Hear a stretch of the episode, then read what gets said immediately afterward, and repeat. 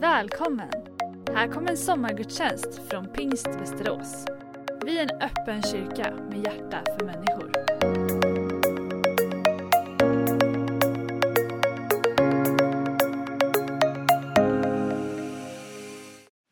Ja, men så inspirerande att få eh, stå mitt här ute en sån här fin dag i det vackra, ja, men det vackra sommarvädret och en otroligt grönskande fin miljö vid Mälarens strand och få predika ett Guds ord för dig idag. Från Matteus kapitel 6. När jag brukar eh, lägga mina barn, mina grabbar hemma och de somnar in. Så ibland så gör jag så att jag smyger in och tittar till dem lite efter. Och då brukar jag se dem ligga där stilla och så lugnt och fint. Och så de ser så oerhört obekymrade ut. Och mina barn, jag tänker på det att de lever ju just för den där dagen och bekymrar sig väldigt lite för morgondagen, vad som ska komma skall. Och lita på att vi som föräldrar ger dem precis det de behöver för den dagen. Jag tänker på när man var liten och byggde kojor på sommarlovet. Och allt kretsade kring den där kojan. Det var den där dagen man byggde och det var där och då. Kanske har du med ett sånt där sommarminne som barn som får det liksom, ja, men lite extra glädje att minnas tillbaka till. Men så slås jag av att Gud, han är ju våran fader.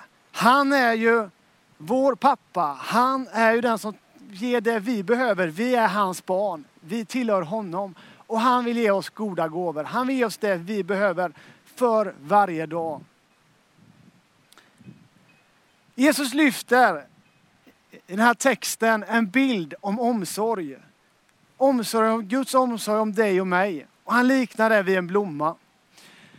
Jag kan inte säga att jag är en eh, expert på blommor direkt. Jag gjorde visserligen i projektarbete i trean på gymnasiet eh, hur eh, floran och eh, växtligheten eh, förändrades i höjdled i fjällen när man kom med olika höjdskillnader. Har glömt det mesta ska jag säga och kanske var det mest för äventyr. Vi, vi tog oss dit till fjällvärlden helt enkelt. Men jag har väl koll på tulpan och maskros. Ungefär så är min expertis kring blommor.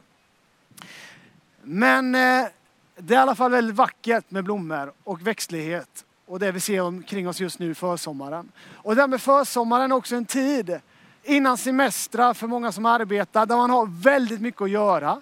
Man ska göra klart olika, olika projekt och driva saker i mål och samtidigt ska man planera allt som ska vara igång till hösten. Och denna sommaren och denna arbetstid just nu är väldigt, väldigt utmanande och svår att planera. Därför allt är ju så annorlunda. Allt som vi brukar göra kan vi inte göra för vi vet inte hur vi kanske ska planera. Och då slås jag av den, den där tanken att ja, vi människor, vi är ganska små ändå. Vi kan försöka med våra system och våra planer och vi kan göra vårt bästa. Men allt rubbas. Ja, då är vi så beroende av en Gud. Självklart så ska vi liksom ha system och strukturer. Samhället behöver det. Vi behöver det i våra liv.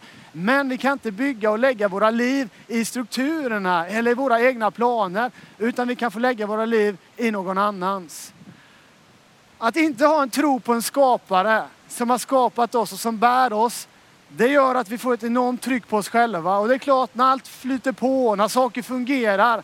Ja, då så kanske vi inte tänker på det så mycket. Men när saker utmanas och när vi det som vi brukar vara vana vid kraschar eller våra planer inte blir som de brukar. Då kommer ett oerhört tryck på dig och mig. När samhällets resurser inte räcker till eller när vi inte själva, när vi inte själva har, när våra egna planer liksom faller omkull. Ja, vad faller vi då? I vems händer faller vi då i? För mig så är det att få falla i en Gud en Guds famn, en som är med mig och backar upp mig och lyfter mig de där gångerna jag faller i min brustenhet. Hans famn kan du och jag få falla i. Han ger oss styrka. Han lyfter oss. Bergspredikan handlar om Guds trofasthet till dig och mig. Och så säger Jesus om de där liljorna. De där liljorna där, de är inte särskilt heliga. med den bild, en vardaglig bild till dig och mig om Guds omsorg till våra liv. De där blommorna som står där, ja de utsätts för vind och väder. Och precis som du och jag, vi, vi utsätts för omständigheter, vi omst av livets omständigheter, av världens omständigheter. Men precis som den här blomman ändå är beroende av ljuset som ger den växtkraft att få blomstra, så är du och jag beroende av en Gud som vi kan få dra oss nära. Och när vi drar oss nära honom så ger han oss växtkraft så vi kan blomstra ännu en gång, ännu en ny tid.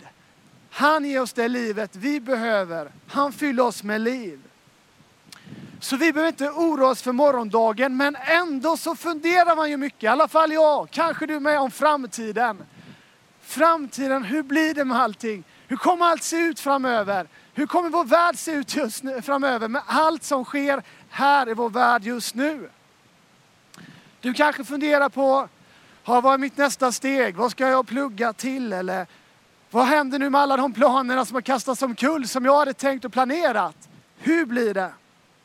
Och jag tror vi alla kan känna ändå en fundersam och kanske någon slags oro för framtiden. Mitt råd i detta, till mig själv och till dig.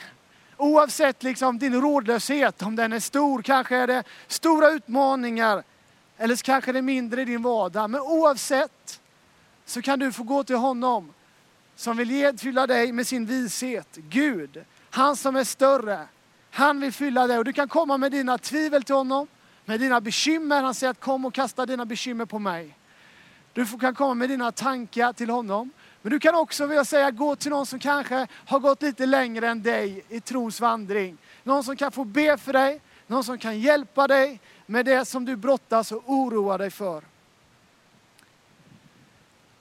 Texten säger alltså att bekymra sig inte för morgondagen, för morgondagen bär sitt eget bekymmer. Var dag har nog av sin egen plåga. Oro har en tendens att äta upp oss inifrån. Det är som det bara växer och tar över. Och den vill dränera dig och mig på all energi och göra oss passiva i steget framåt. När Jesus säger detta så är det ju inte en dum Eh, alltså han är inte dum och någon slags na naivitet. Utan det handlar ju mer om att självklart ska vi förbereda oss, självklart ska vi göra det vi kan göra. Men vi får släppa den yttersta kontrollen till Gud. Och i det med det sagt också ska jag säga att allt som sker är ju inte Guds vilja. Utan självklart så finns det synd här, det finns saker och ting som också präglar och spelar in roll i, i allting. Men ändå kan vi på något sätt lita på Gud, lita på honom. Han som omsluter dig på alla sidor som psalm 139 säger.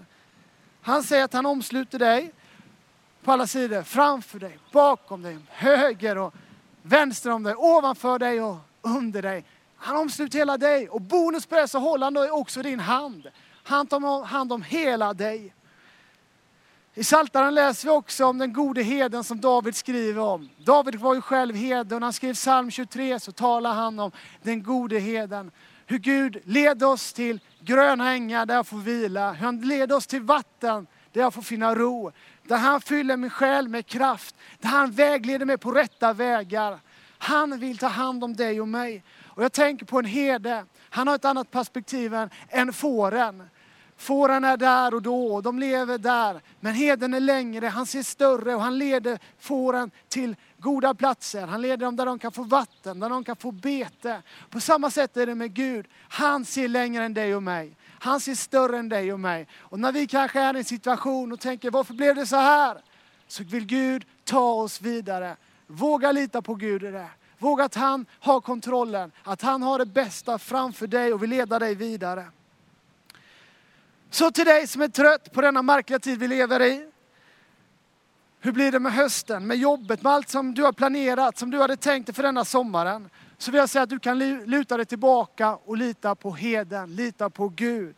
Som vill gripa in i din situation. Ingen situation är för stor eller för liten. Han kan gripa in och göra någonting i ditt liv. Och jag vill avsluta med att säga att det som får utrymme i ditt liv kommer växa. Och eh, det du belyser i ditt liv, det du vattnar kommer få växa.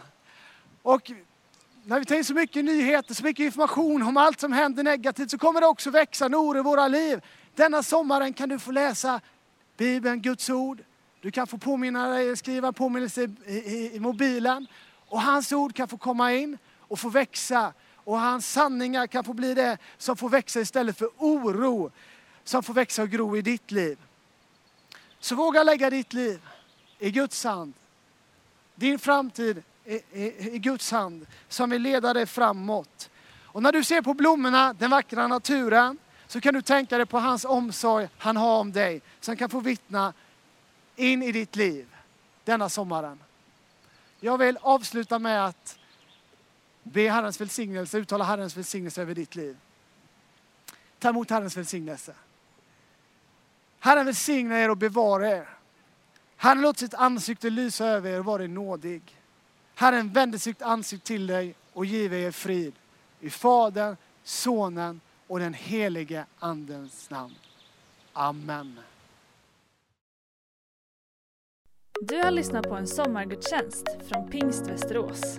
Har du frågor om församlingen eller vill veta mer om kristen tro kan du gå in på vår hemsida, vasteras.pingst.se. Kolla också gärna in vår Youtube-kanal, Pingst Västerås.